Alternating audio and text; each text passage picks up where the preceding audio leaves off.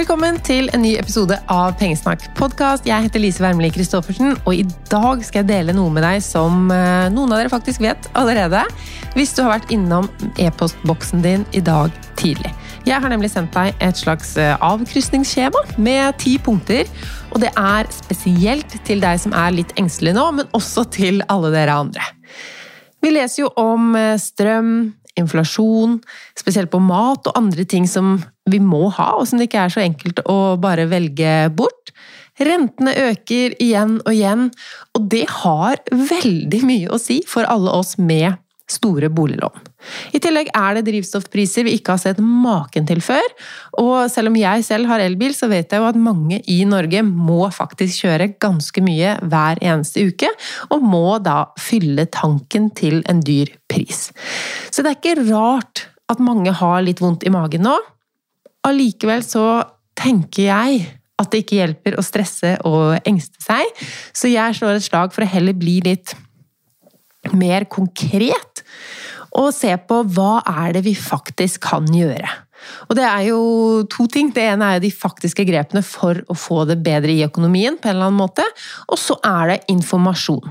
Fordi noen av oss engster oss unødvendig. Andre burde kanskje se hvor mye det her påvirker økonomien din også, og begynne å ta grep jo før, jo heller. Og det er jo litt vanskelig for meg å treffe helt rett når vi er så i alle ender av skalaen økonomisk. Altså Noen har bekymringer pga. store investeringer, kanskje, mens andre har kredittkortgjeld. Og noen har både investeringer og kredittkortgjeld å bekymre seg for, mens andre har ingen av delene. Jeg tenker uansett at det vil være noe for deg i denne episoden. Og vi starter med kredittkort som punkt nummer én. Kredittkort er ikke farlig. Det vil jeg litt vekk fra. Det er farlig å låne penger du ikke vet hvordan eller når du skal betale tilbake. Spesielt lån med dyre renter. Og det er jo akkurat det du kan gjøre med kredittkortet ditt, men selve kortet, det er bare et kort av plastikk som gir deg muligheten til å låne penger dyrt. Du trenger ikke å gjøre det. Nå vet jeg ikke hva slags sammenligning jeg skal ha her, men jeg tror du skjønner hva jeg mener. At bare fordi noe finnes, så må ikke du ta det i bruk, kanskje selv om du har det. Så hvis du har en kredittkortgjeld nå Hvis vi prøver å være helt ærlige med oss selv, var det kortet som tok den avgjørelsen, eller var det deg? Det er et par bra ting du kan bruke kredittkortet til, som på ingen måte klarer engang å nærme seg og veie opp for de dårlige tingene du kan bruke kredittkortet til. Men for deg som skal reise, f.eks., fylle drivstoff, handle mat, og kan velge å bruke debetkortet, altså at du har penger på konto fordi hvis du ser for deg visakortet, det er penger på visakortet, men du velger å bruke mastercardet fordi du da får en reiseforsikring med på kjøpet, eller det er ikke renter fram til regningen forfaller, du får bonuspoeng på alle kjøp. Det er ikke dumt kredittkortbruk. Det er smart. Og nå kalte jeg debutkort for Visa og kredittkort for Mastercard, men så finnes det også debutkort fra Mastercard og kredittkort fra Visa. Det er to selskap som tilbyr eh, begge deler. Så forskjellen på debutkort og kredittkort er at debutkortet er knytta til din konto. Sånn at når kontoen din er tom, så er også kortet tomt. Kredittkortet på den andre siden, det er kobla til bankens konto. Så det blir aldri tomt. Men du har satt en grense, eller fått satt en grense, men du kan også ha flere kort. Så i min lommebok så har jeg en grense på til sammen 200 000 kroner. Ganske mye. Veldig mye. Jeg kan shoppe for bankens penger allerede i dag. Men regninga kommer. Det var aldri mine penger. Og først så kommer den regninga uten rente, som vi snakket om. Men så kommer den med en forferdelig høy rente. Skal vi regne på det? Jeg håper du sier ja, fordi nå kommer det. La oss si at jeg har kanskje ikke maksa kortene mine helt ut, men kjøpte for 80 eh, 000 kroner. Og det kan være en engangsgreie, som en verkstedregning, eller har bestilt baderomsmøbler. Eller det kan være sånn litt her og litt der, men at nå har saldoen blitt 80 000. Ok, regninga kommer, og vi kan kanskje betale ned noe. 10 000 av den, sånn at saldoen er 70 000, som da går videre til neste måned. Nå sjekker jeg bare på det ene kortet mitt, men der var renta 26,15% Så det betyr hvis jeg lar de 70 000 stå som saldo i ett år, så koster det meg 10 316 kroner. Høres kanskje ikke så mye ut på et år med 10 000 kroner, men det er jo mye. Fordi hva er det jeg egentlig betaler for? Hva er det jeg får ut av de pengene? Ingenting. Eller jeg får jo lov til å låne de pengene. Og jeg må jo fortsatt betale tilbake de 70 000 også. Så uansett hvordan man vrir og vender på det, så er det jo enklere å betale ned et lån på 70 000 enn et lån som har vokst til 80 000. Og vi vet alle hvordan det går etter ett år, da. Altså Hvis vi har klart å betale rentene, disse 10 000, så er jo fortsatt saldoen 70 000, og du vil få nye renter. Og hvis du ikke får betalt ned de, nei, da blir det enda dyrere, fordi 26% eller 30% som noen kort har, av 80 000, det er jo et høyere beløp enn 26 av 70 000.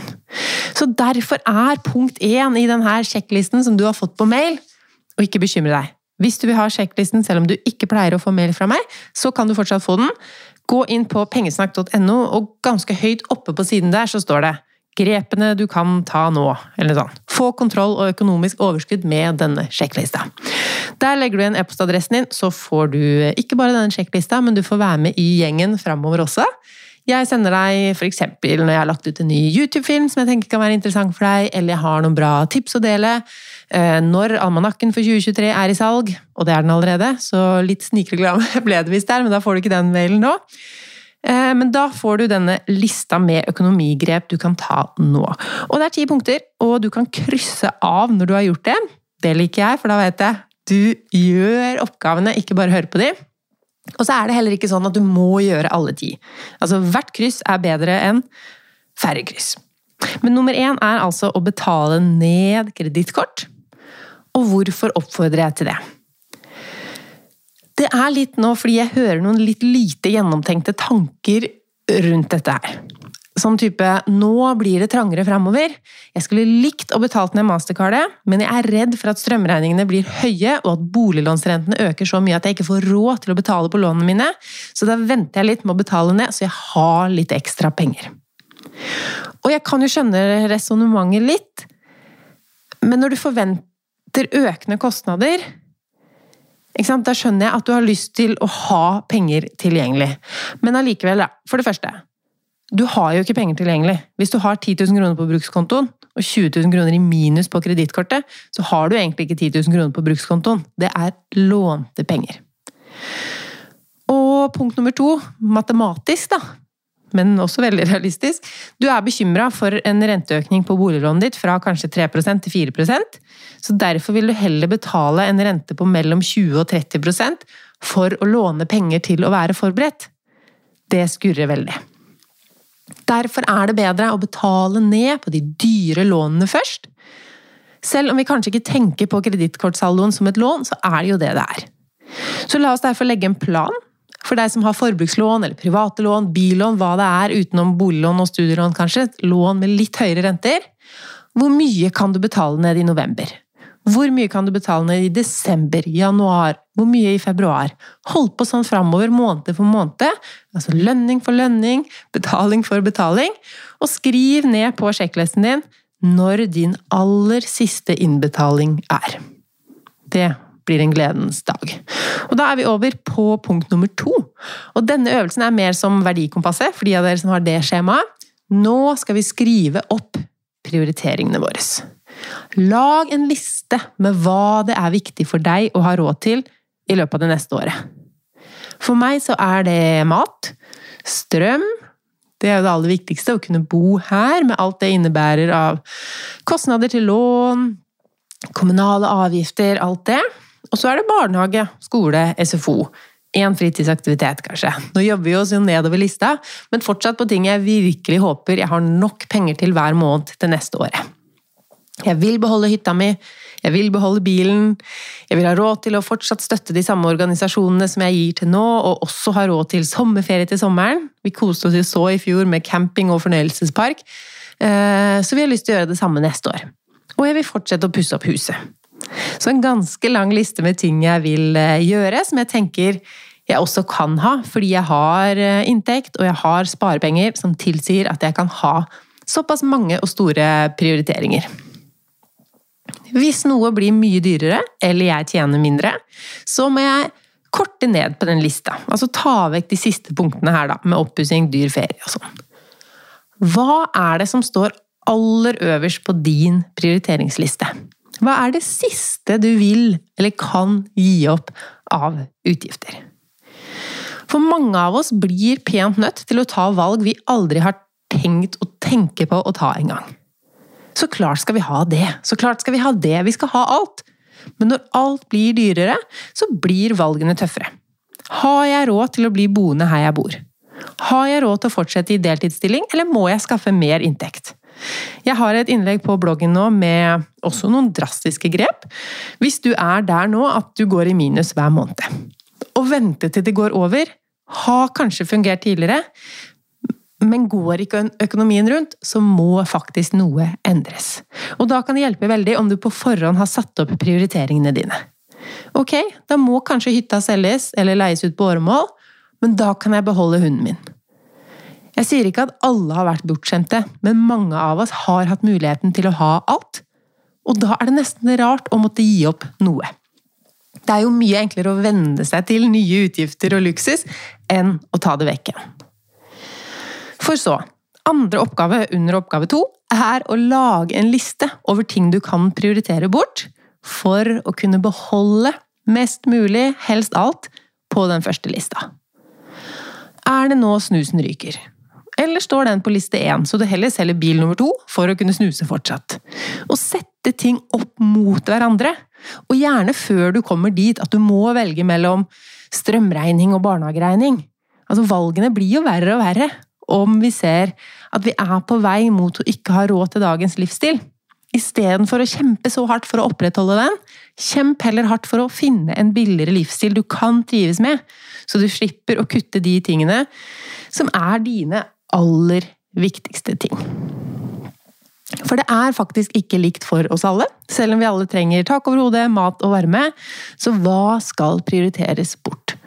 Det blir jo kanskje all luksus som ikke havna underprioritert. Og når jeg sier luksus, så mener jeg ikke nødvendigvis sportsbåter og Gucci-vesker, champagne og spa-helger i utlandet, nødvendigvis, men ting som koster penger og ikke er nødvendige, eller dine høyest prioriterte ting.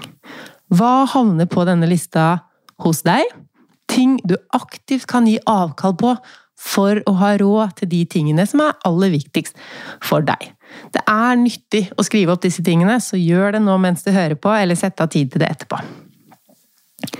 For nå kommer del tre av dette. Det er tydelig at jeg syns prioriteringer er viktig. Og selv om alle ikke er i en så privilegert situasjon som meg, eh, at man kan si om jeg går litt i minus, så kan jeg bare utsette litt oppussing eller kose meg på hytta istedenfor å dra til Danmark til sommeren. Altså enkle prioriteringer som går helt greit. Eh, så går det bra igjen. Så godtar jeg faktisk ikke at du sier at du ikke kan prioritere pengene dine sånn at du får mer ut av dem. Ikke før du har gjort denne øvelsen.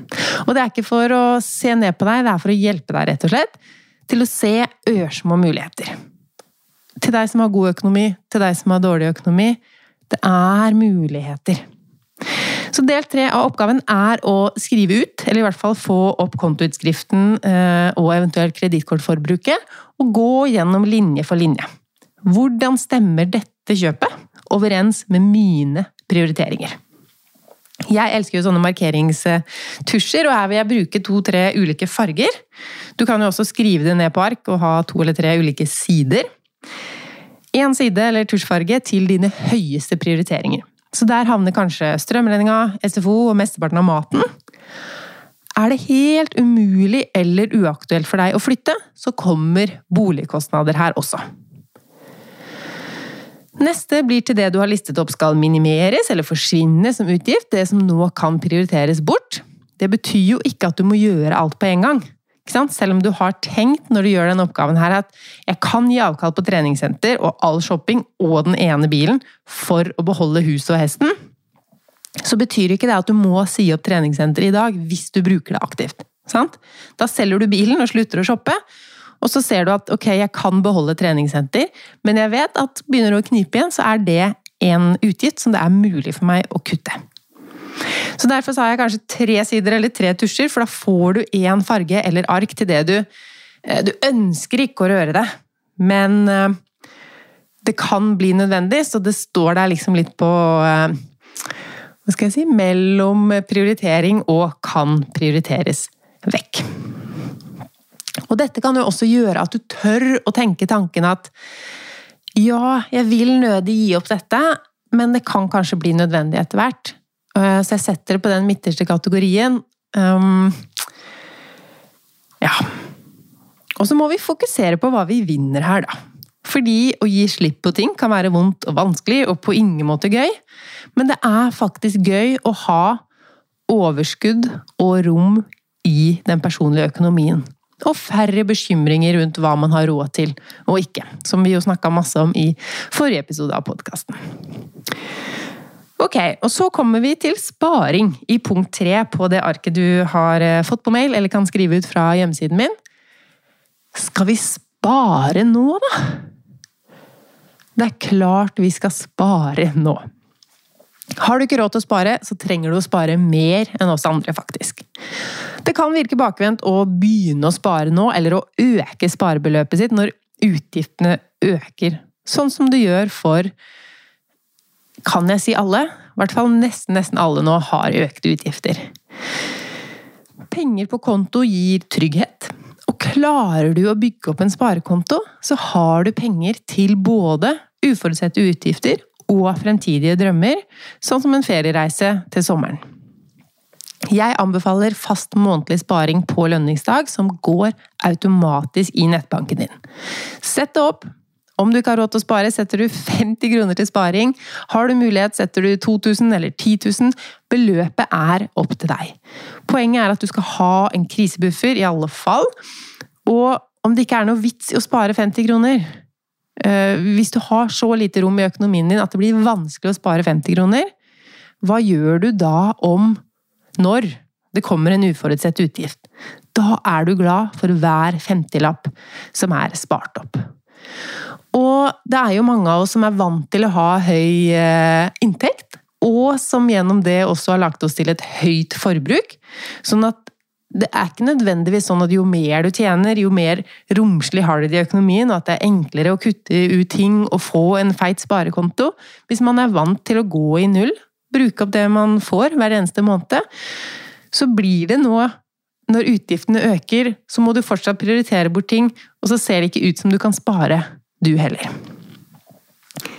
Jeg må um, prøve å snu litt den tankegangen om sparing òg, til at det handler om å gi avkall på ting å kjøpe. Vi snakker ikke om at du skal kaste pengene dine i dass, vi snakker om å spare de. Det er fortsatt dine penger, og at du skal spare dem til du virkelig trenger dem. I en av de nyeste anmeldelsene av podkasten inne på iTunes, jeg er jo innom der og ser om hva dere syns om podkasten ved jevne mellomrom, det var en ny der som var veldig hyggelig, men så er det en som sier at hvis du vil veie alt i livet i penger, så er dette podkasten for deg. Terningkast én fra den. Hvis du er litt glad i livets goder, så blir du deppa av å høre på. Maken til gjerrigknarksnakk. Eh, og det kan man godt si. Jeg kan godt ta på meg å være veldig, veldig kjip. Eh, men det er det at jeg ber deg ikke å spare for at du skal få et kjipere liv. Det er ikke det som er min intensjon i det hele tatt. Eh, tvert imot. Jeg ber deg om å spare fordi jeg vet at livet er bedre med penger på konto.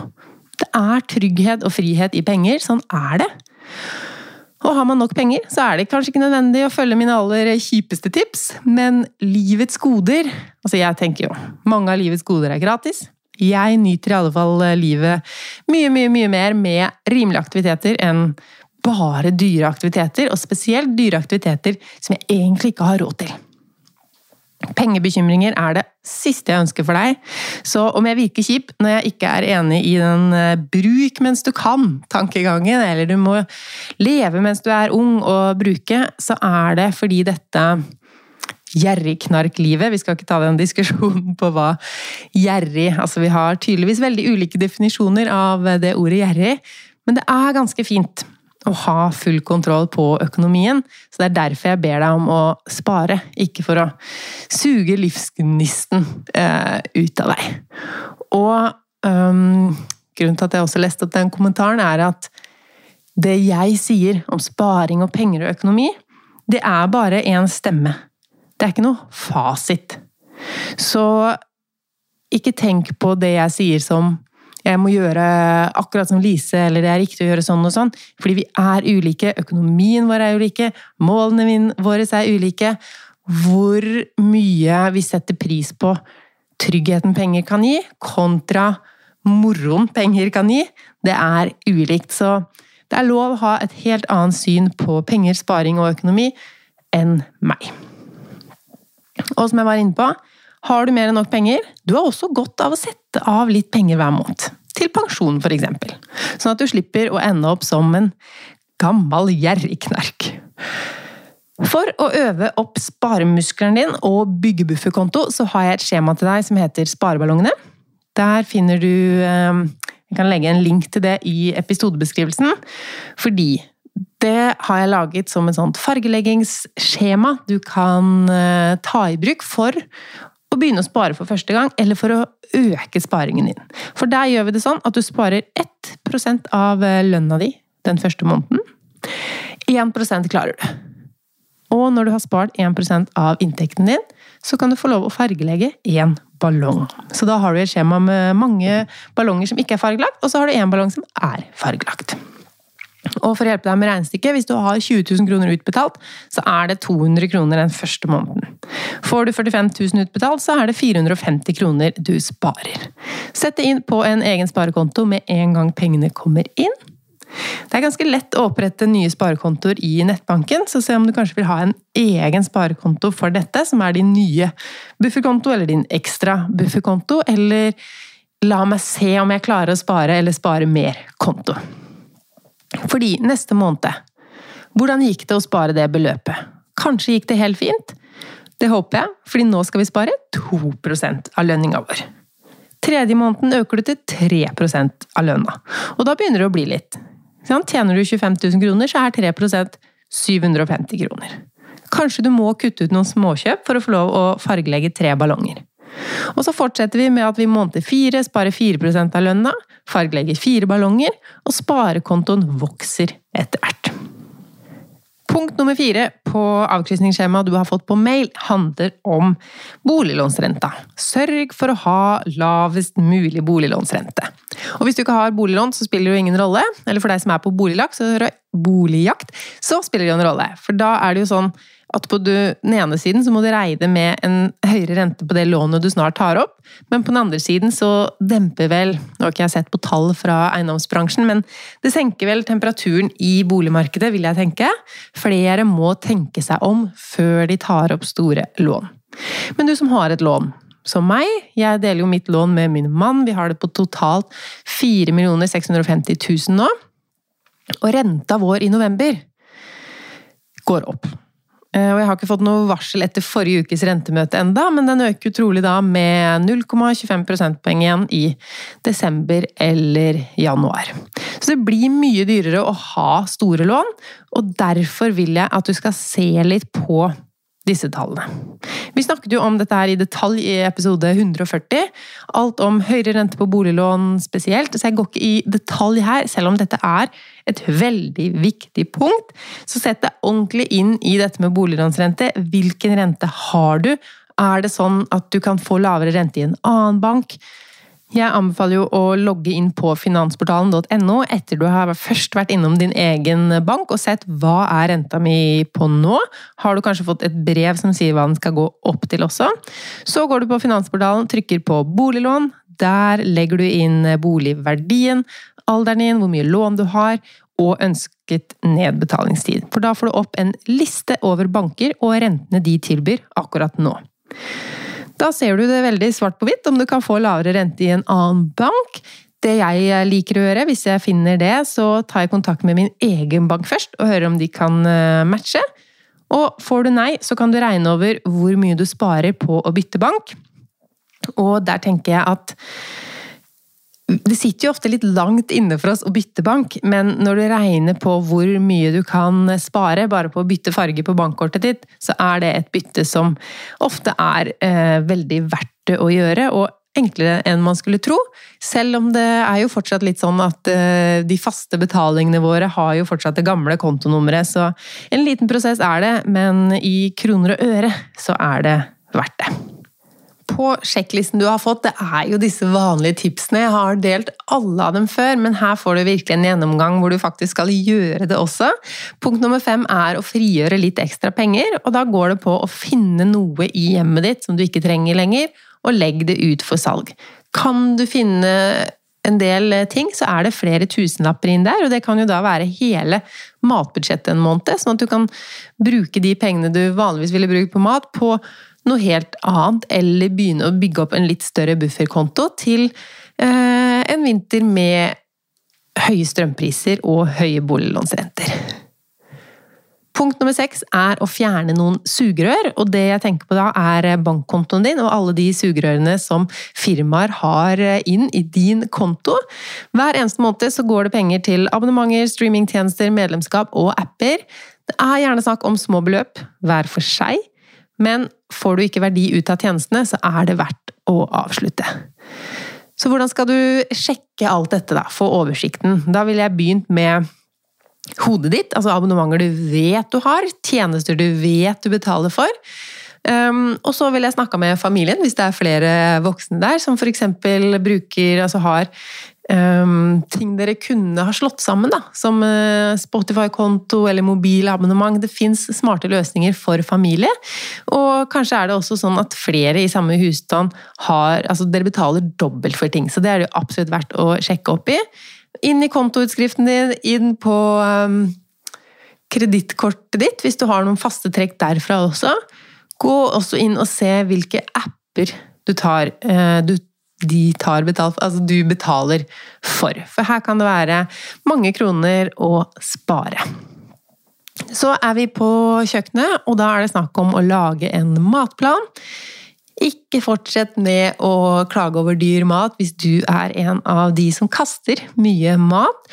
Bli flinkere på å nyte restene dine.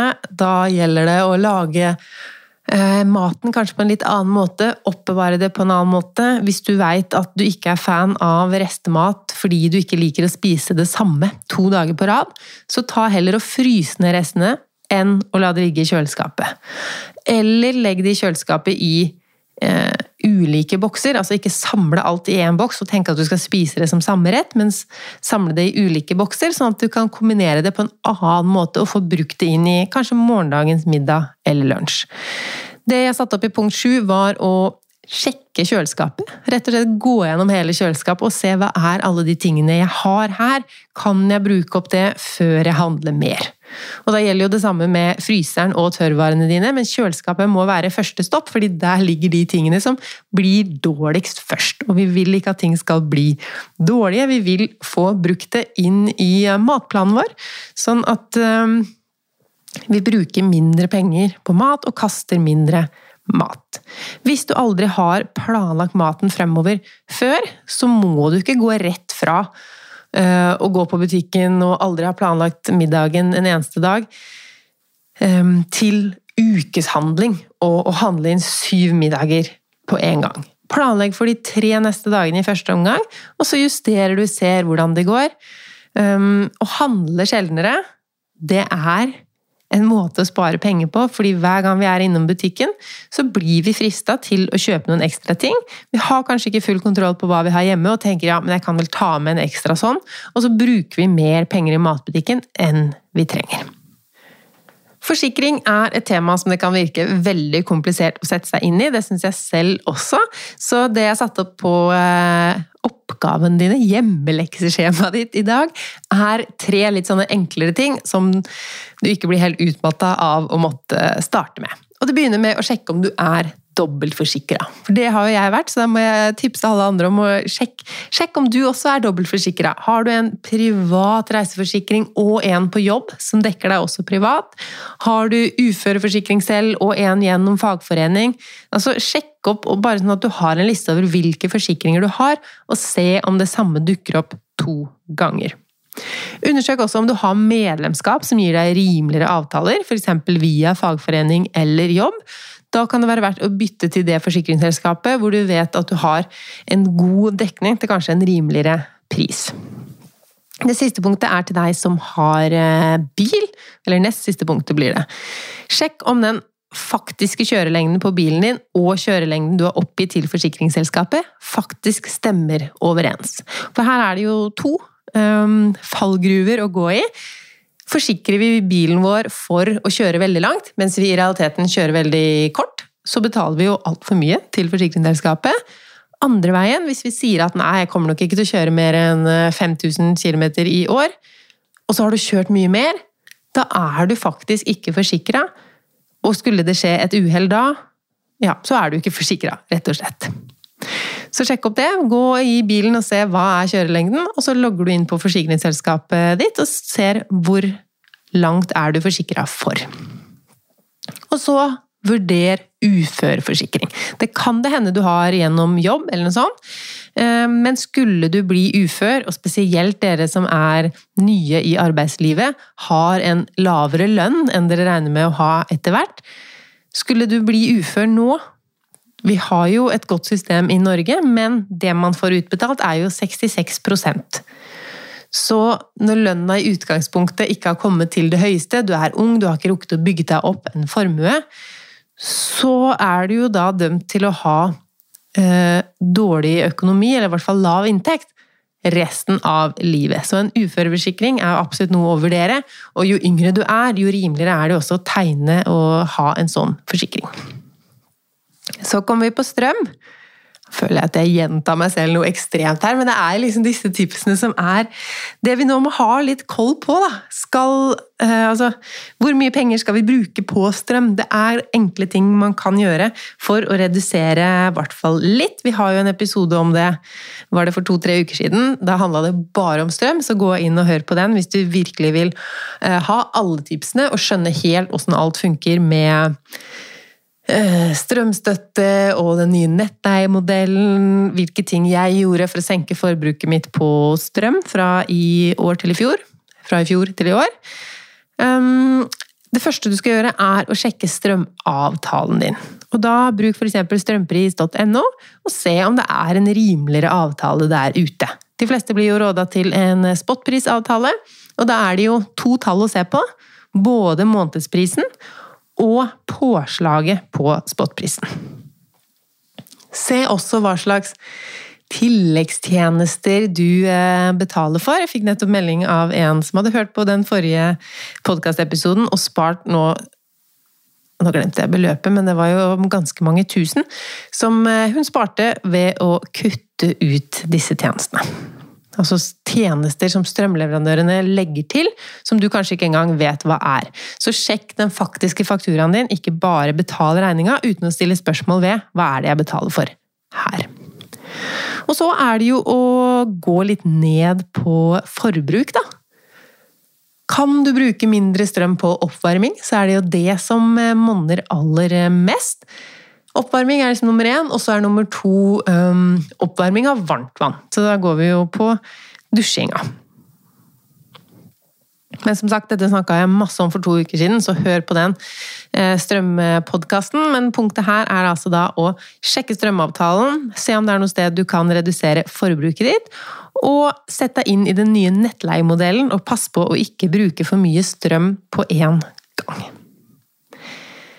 Punkt nummer ti er pust med magen. Fordi økonomien din blir ikke bedre av at du stresser. Så der har jeg satt plass på eh, arket til å skrive ned tre ting du liker å gjøre, som er helt gratis, og så gjør en av dem allerede i dag. Det kan f.eks. være å ta et bad. For å sjekke strømprisen uh, først, da. For det, er, uh, det jeg ikke snakker om nå, er jo den uh, Hvis du har en spotprisavtale som, just, som da er strømprisen ulik time for time. Og dette kan du sjekke på strømpris.no, eller i appen fra strømselskapet ditt. Flere og flere har den kurven der nå. Hvilke timer er det billig, hvilke timer er det dyrt? Men nå var vi over på neste. Ta et bad, Spill et spill, eller gå en tur, løp en tur, eller noen av de tingene psykolog Vidar i forrige episode fortalte er bra for din psykiske helse. Og um, ta vare på deg selv, rett og slett. Ikke bekymre deg og stress for økonomien uten at du i hvert fall har gjort disse faktiske punktene og sett har jeg kontroll, har jeg oversikt, hva kan jeg gjøre når det kniper. Så det var ti ting å gjøre for økonomien. Starte med å betale ned kredittkortet. Sett opp prioriteringene dine på et ark. Sett opp en automatisk spareavtale. Om så beløpet er lavt, så bruk ballongskjema til å øke det mer og mer etter hvert. Og hvis det ikke er mulig å øke, så har du i hvert fall en liten sparing hver måned. Og en liten sparing er så innmari mye bedre enn ingen sparing i det hele tatt. Så er det boliglånsrenta. Ja, den øker, men sørg for å ha lavest mulig. En forskjell på 0,2 prosentpoeng om renta er lav eller om renta er høy, er jo fortsatt en forskjell på 0,2 prosentpoeng. Frigjør litt ekstra penger ved å selge noe du ikke trenger. Fjern noen sugerør, altså abonnementer og faste betalinger som du ikke trenger eller kan ha akkurat nå. Lag en matplan basert på hva du har i kjøleskapet ditt for dagene fremover. Sjekk opp noe angående forsikring. Sjekk strømavtalen din, og begynn å justere forbruket ditt. Og så pust med magen. Lykke til! Jeg ønsker deg en eh, god uke. Og så sjekk mailboksen din, så du, kan du skrive ut dette skjemaet eller ha det digitalt, så du kan krysse av. Eller så kan du registrere deg Jeg legger en link i episodebeskrivelsen til hvor du eh, finner dette skjemaet, kan skrive det ut, og også da blir en del av gjengen som får nyhetsbrev fra meg hver eneste uke. Vi høres igjen neste mandag, og før det på Instagram. Der heter jeg Pengesnakk. Vi høres.